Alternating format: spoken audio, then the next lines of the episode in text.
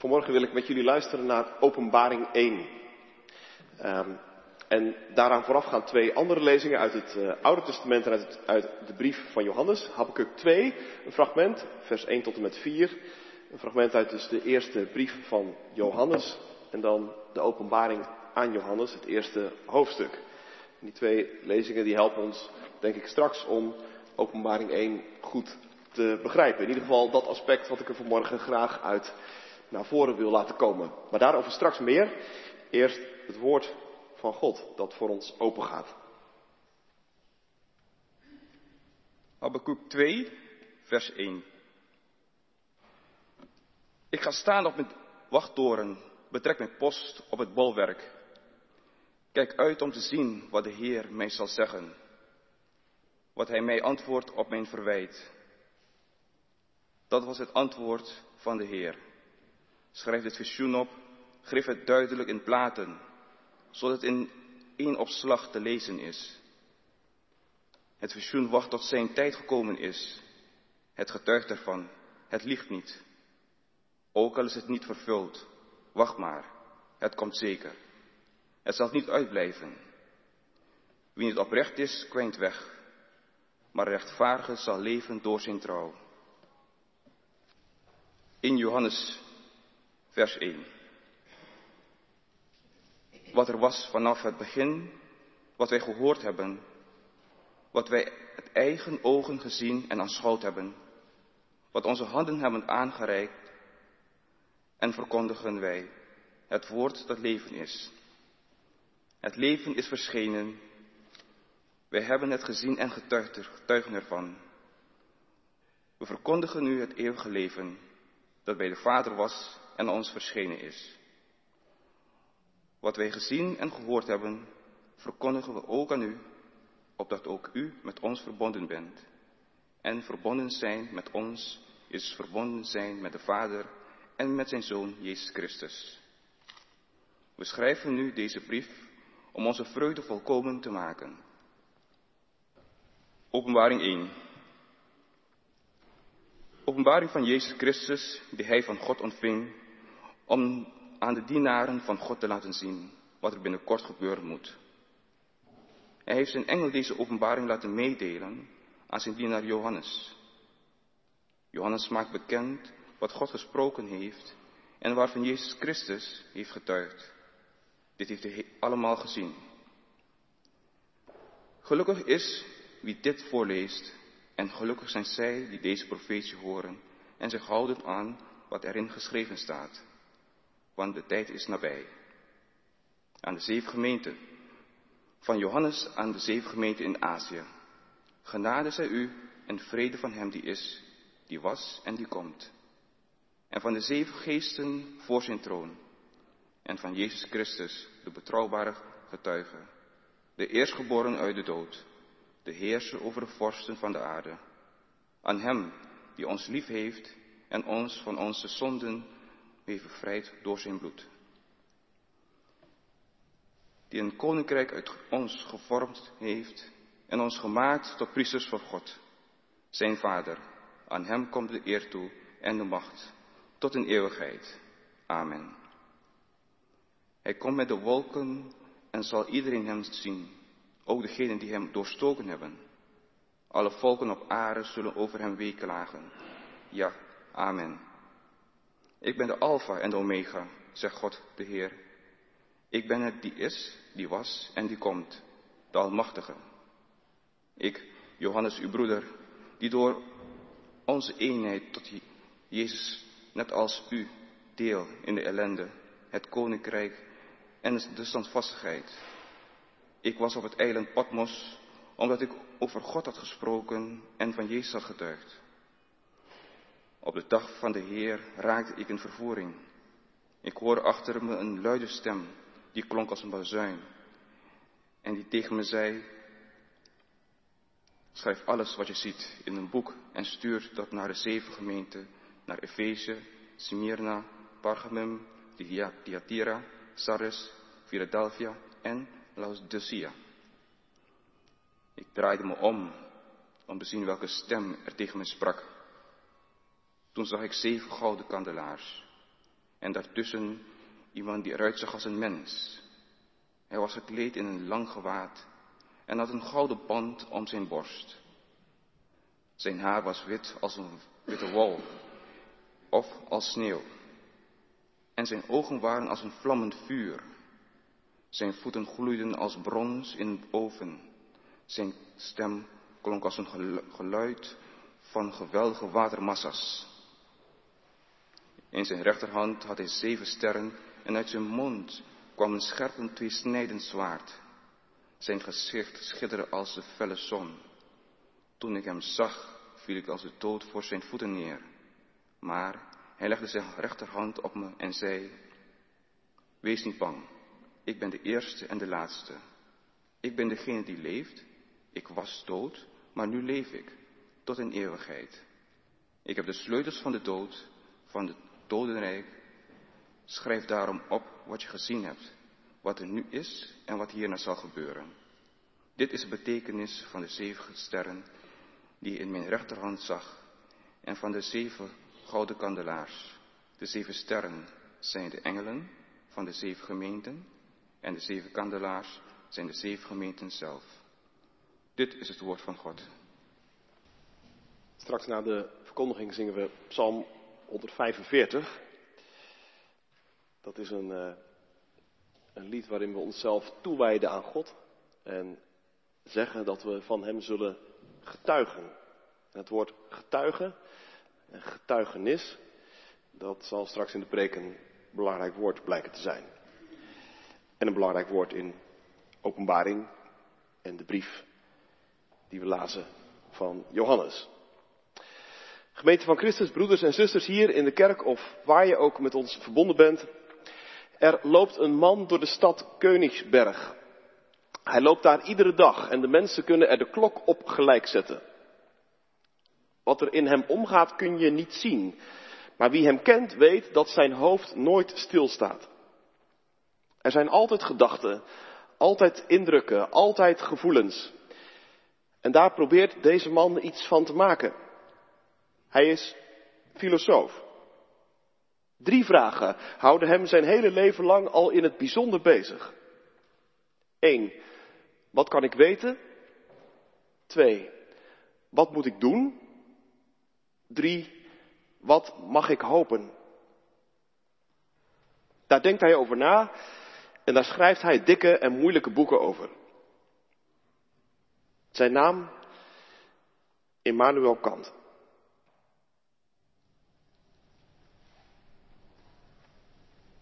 Er lopen mensen over de lijnbaan. Die lopen daar iedere zaterdag in Drommen. Je kunt de klok op gelijk stellen. Wat er in hen omgaat kun je niet zien. Bij sommigen zal het weinig zijn. Ze laten zich wat meenemen op de golven van de massa. Bij anderen zal het veel zijn.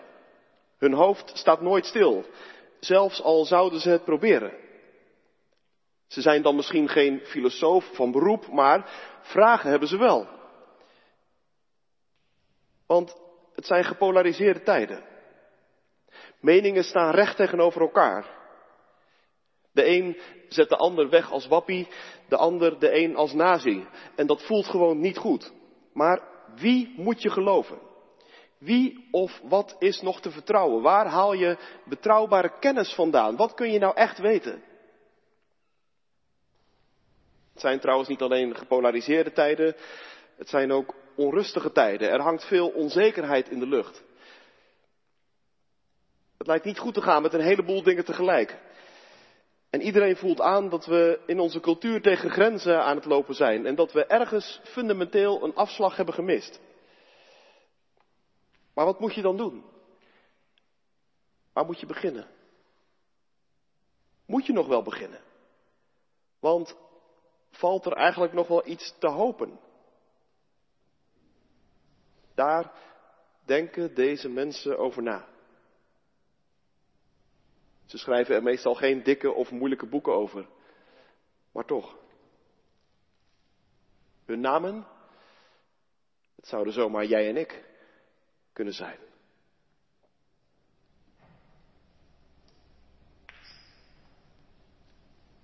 Er zit een man op een eiland. Al een hele tijd. Wat er in hem omgaat kun je niet zien. Maar wie hem zou kennen weet dat het in zijn hoofd nooit stilstaat. Hij heeft heel wat meegemaakt de laatste tijd. Zijn denken en zijn spreken werd door de meerderheid niet getolereerd. En daarom is hij gevangen genomen en op een transport gezet. Hij is verbannen naar een eenzaam eiland waar bijna niemand woont. En je kunt je voorstellen, hij zit aardig aan de grond. Al zijn gedachten, zijn indrukken en zijn gevoelens, ze liggen verward door elkaar. Hij kan er amper meer chocola van maken. Want heeft hij het dan toch altijd bij het verkeerde eind gehad? Heeft hij zijn kaarten dan misschien te vergeefs op Jezus gezet? Wat kan hij nog met zekerheid over Jezus weten? Wat mag hij nog hopen? En wat staat hem te doen? Daar denkt deze man over na. En zijn naam is Johannes.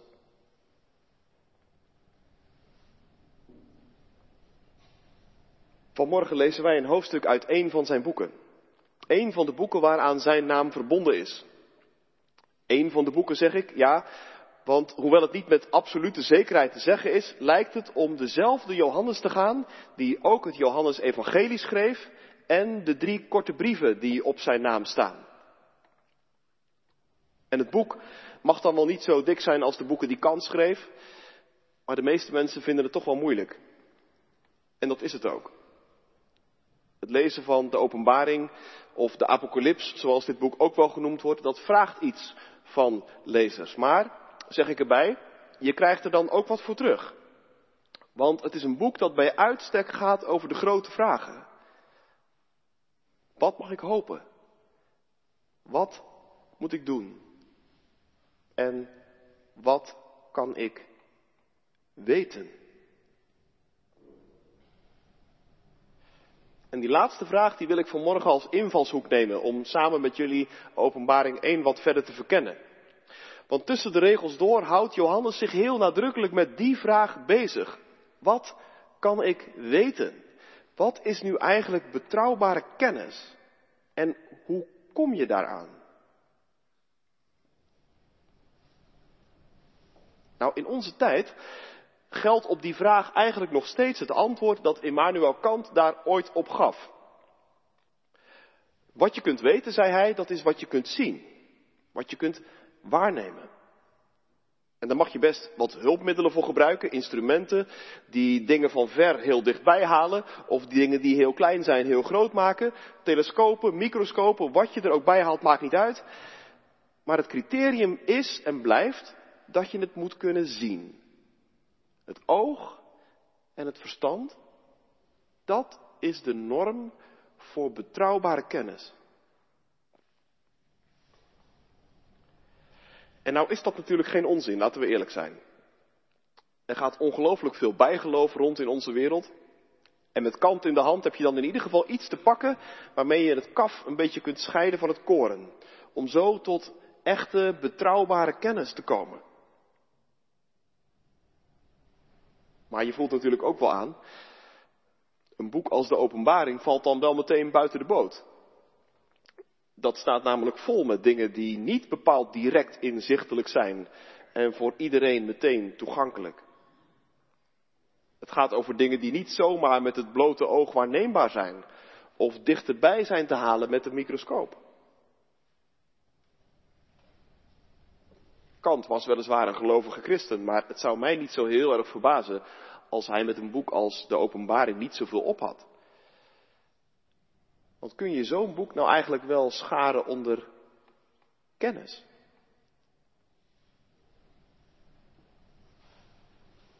Toch zou ik vanmorgen tegen jullie willen zeggen dat het boek Openbaring gaat over kennis. En nog over betrouwbare kennis ook. Nee, het gaat niet over de kennis die helemaal binnen de definitie van Kant valt. Maar openbaring gaat over de kennis van het hart. Het hart. Dat, zoals die andere belangrijke christelijke denker zei, Pascal, het hart dat zijn redenen kent, die de reden, ons verstand, niet kent. Ons hart voelt dingen, ziet dingen, neemt dingen waar die het blote oog niet ziet. Het hart. Anders gezegd, de ziel. Dat is dat fijnzinnige radar waarmee de schepper ons heeft uitgerust. En dat ons in staat stelt om heel scherp waar te nemen. Zomaar een voorbeeld. Als jij een volle kamer binnenstapt, dan zou het zomaar kunnen dat je binnen een split second voelt welke sfeer daar hangt. Of het vrolijk is, of uitgelaten, of het juist bedrukt is of gespannen. Daar heb je helemaal niet meer voor nodig dan, dan dat fijnzinnige radar dat automatisch jou die informatie geeft. Oké, bij de een is het iets scherper en iets fijnzinniger uitgerust dan bij de ander, maar ik denk dat je me begrijpt. Dit soort indrukken kennen wij allemaal. Bewijzen kun je ze niet, maar je neemt ze wel aan als betrouwbaar. Nou, zo, met dat geestesoog zou je kunnen zeggen, zo kijkt ook Johannes. En zo neemt ook Johannes waar.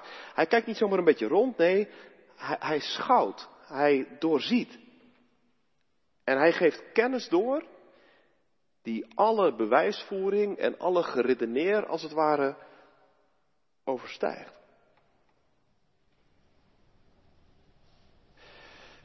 Ja, zeg je misschien, maar daar heb ik dan toch echt wel nog een punt. Want kijk, dit soort dingen kan natuurlijk iedereen zeggen. Er zijn wel meer types die doorgeven wat ze gezien hebben, terwijl niemand anders dat ooit gezien heeft. Wat maakt nou het woord van Johannes meer betrouwbaar dan het woord van het eerste, het beste medium of wat dan ook maar?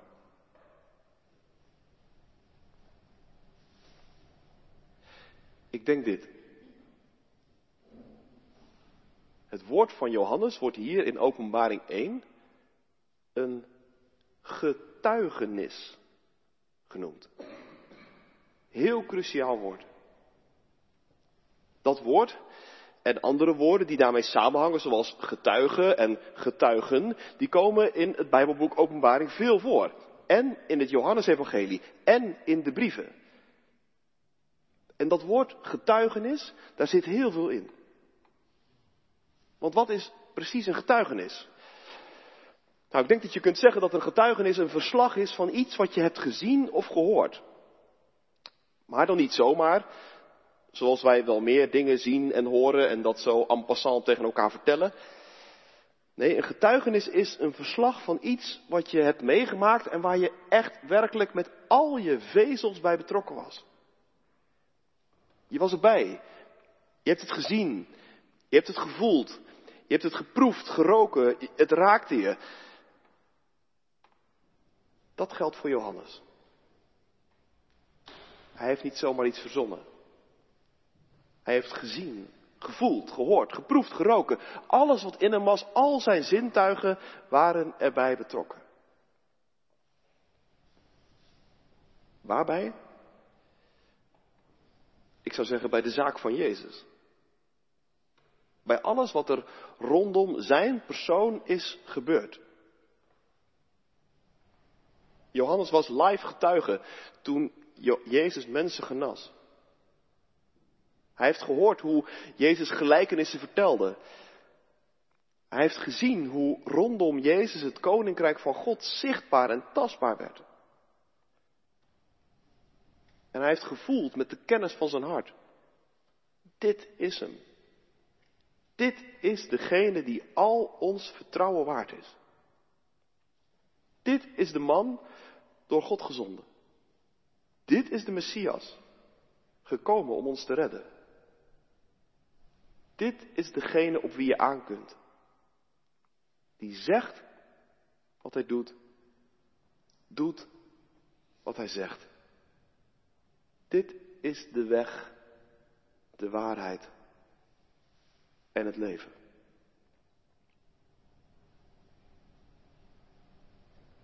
wat Johannes ook gezien heeft, dat is hoe er door veel mensen op Jezus werd gereageerd. Hoe hij steeds verder in het nauw werd gedreven. Hoe er een proces kwam en een veroordeling. Johannes heeft er gestaan, samen met Maria, aan de voet van het kruis. En hij heeft die intense verwarring doorgemaakt en het verdriet geproefd. Want hoe kon dit nou zo aflopen? Maar hij heeft ook gestaan bij het lege graf. En hij heeft ook de opgestane Heer ontmoet. Hij is gaan geloven dat het kruis toch niet het laatste was wat er over Jezus te zeggen viel.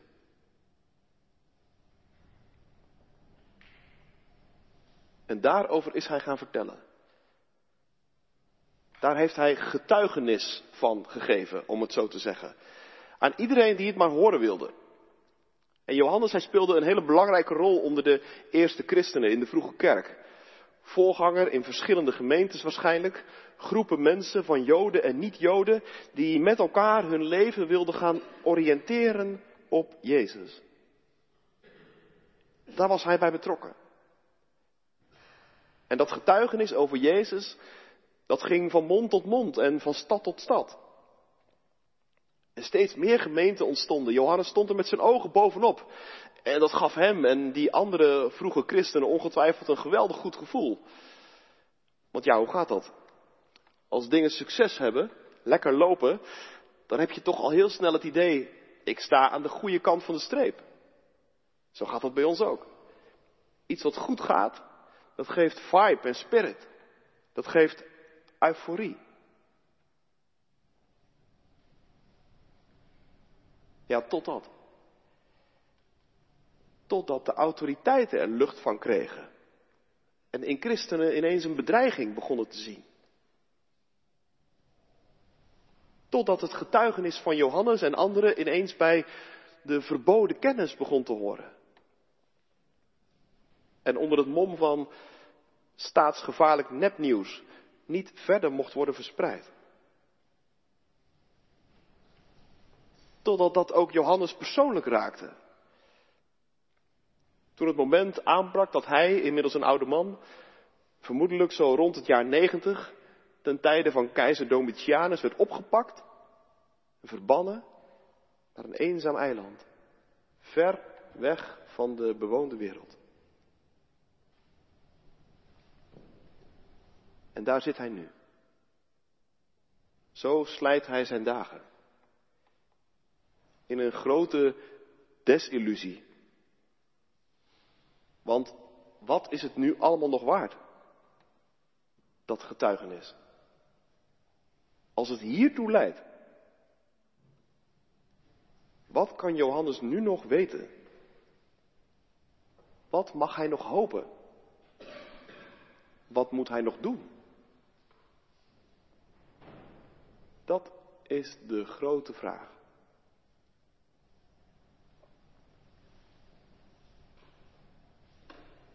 En op een goed moment komt er voor Johannes op die vraag een antwoord. Ik raakte, lezen we, in een geestvervoering.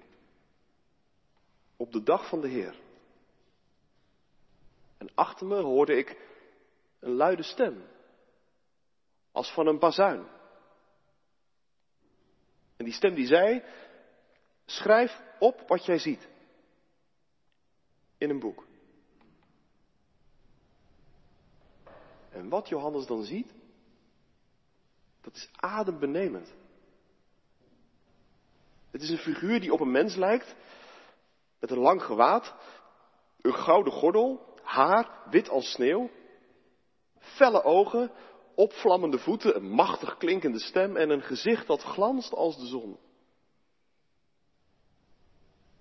Dat is natuurlijk een ontzaglijke verschijning. En ja, Johannes weet dan ook niet beter te doen dan plat op de grond vallen. Maar dan hoort hij ineens een stem. En die stem die zegt woorden die Johannes eerder gehoord heeft. Vrees niet, zegt die stem. Wees niet bang. En die woorden kent Johannes. Want was het niet Jezus die dat jaren geleden zo vaak tegen hem en de andere leerlingen zeiden? Zij, als ze weer eens wat opdeed waar ze bang voor waren. Vrees niet. Wees niet bang. En was het niet Jezus die hem, Johannes en de andere leerlingen op die manier innerlijk tot rust bracht? Op een manier zoals niemand anders dat kon doen. En zou het, zou het daarom misschien kunnen dat ook nu Jezus zelf het is die Johannes opnieuw opzoekt in zijn eenzaamheid?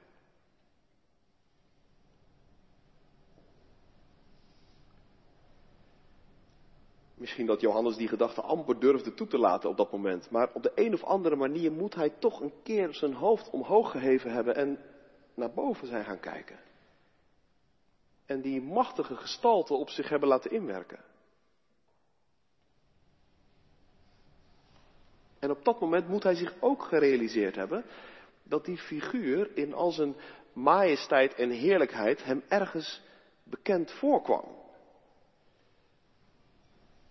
Nee, niet dat hij dat zelf ooit eerder zo gezien had. Maar ergens kende hij deze figuur uit, uit de Heilige Schrift. Want die figuur die Johannes ziet, die lijkt heel sterk op de figuur die ooit de profeet Daniel zag. Kun je nalezen.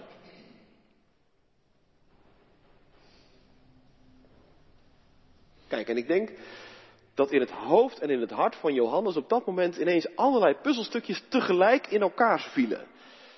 Want wat ziet hij? Een figuur die hij herkent uit de boeken. Een figuur die al eerder verschenen is aan mensen die het even helemaal niet meer wisten. Een figuur die heel duidelijk bij God vandaan kwam. En diezelfde figuur, die lijkt nu aan hem te verschijnen. En die spreekt bovendien ook woorden die hem vertrouwd in de oren klinken. En die eigenlijk van niemand anders afkomstig kunnen zijn dan van die ene. Van zijn Heer. Die hij zo ontzettend lief had.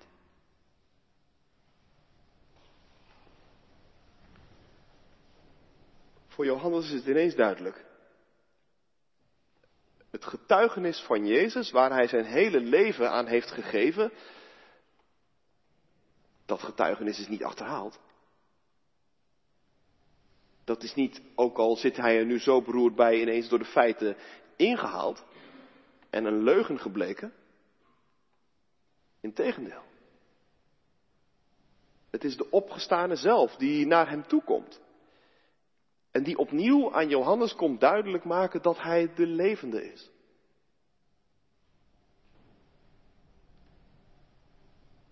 En daarom noemt Johannes hem in dit hoofdstuk ook de betrouwbare getuige. Jezus, de opgestane Heer, betoont zich aan Johannes hier de betrouwbare. Hij komt terug op wat hij eerder deed. Wat eerder gebeurde bleek geen vast te zijn. Het klopt, nog steeds. Op deze penibele situatie, in deze penibele situatie, maakt Jezus duidelijk dat hij nog steeds is wie hij altijd zei te zijn. Een betrouwbare getuige van God. Want niemand heeft God ooit gezien. Maar Jezus, zijn zoon, is de betrouwbare getuige.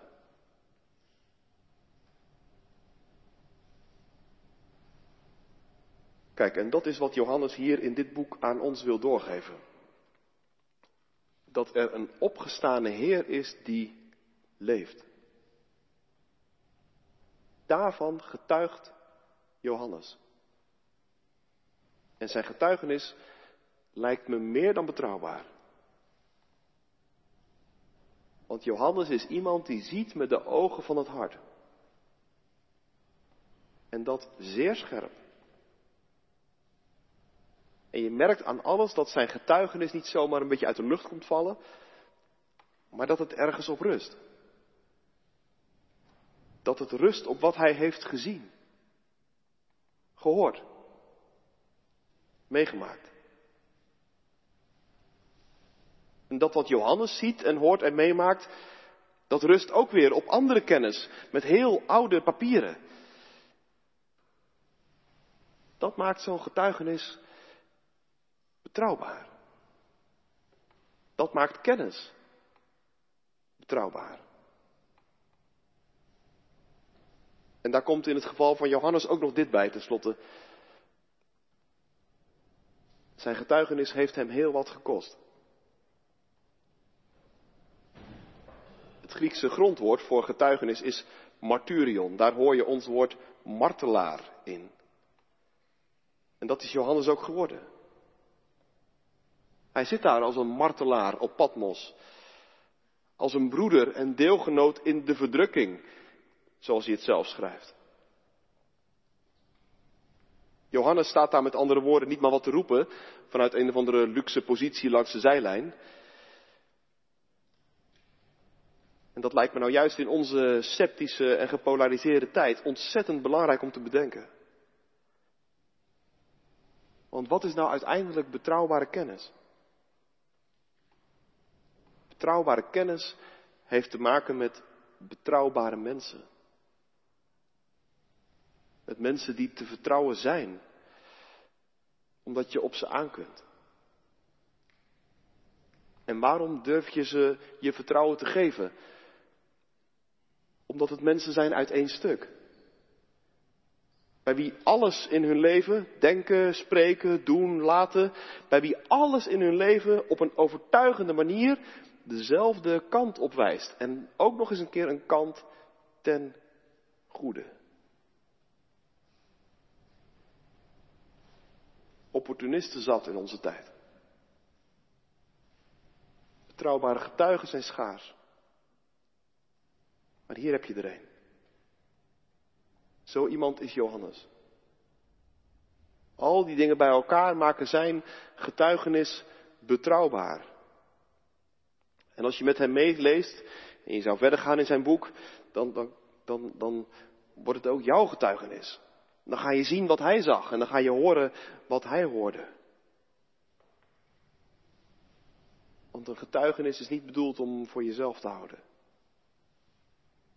Schrijf op wat je gezien hebt, zegt de engel. Het getuigenis moet op een betrouwbare manier verder de wereld in. Zodat jij en ik, die daar vandaag mee in aanraking komen, moed vatten. En zodat wij ook zelf betrouwbare getuigen kunnen zijn. Mensen die weten, ik hoef niet sceptisch te zijn. Want er valt wel degelijk iets te weten. Ik hoef niet cynisch te worden. Want er valt nog altijd iets te hopen. En ja, gaandeweg, dat geloof ik ook, zal God ons dan ook duidelijk maken wat we moeten doen. Amen.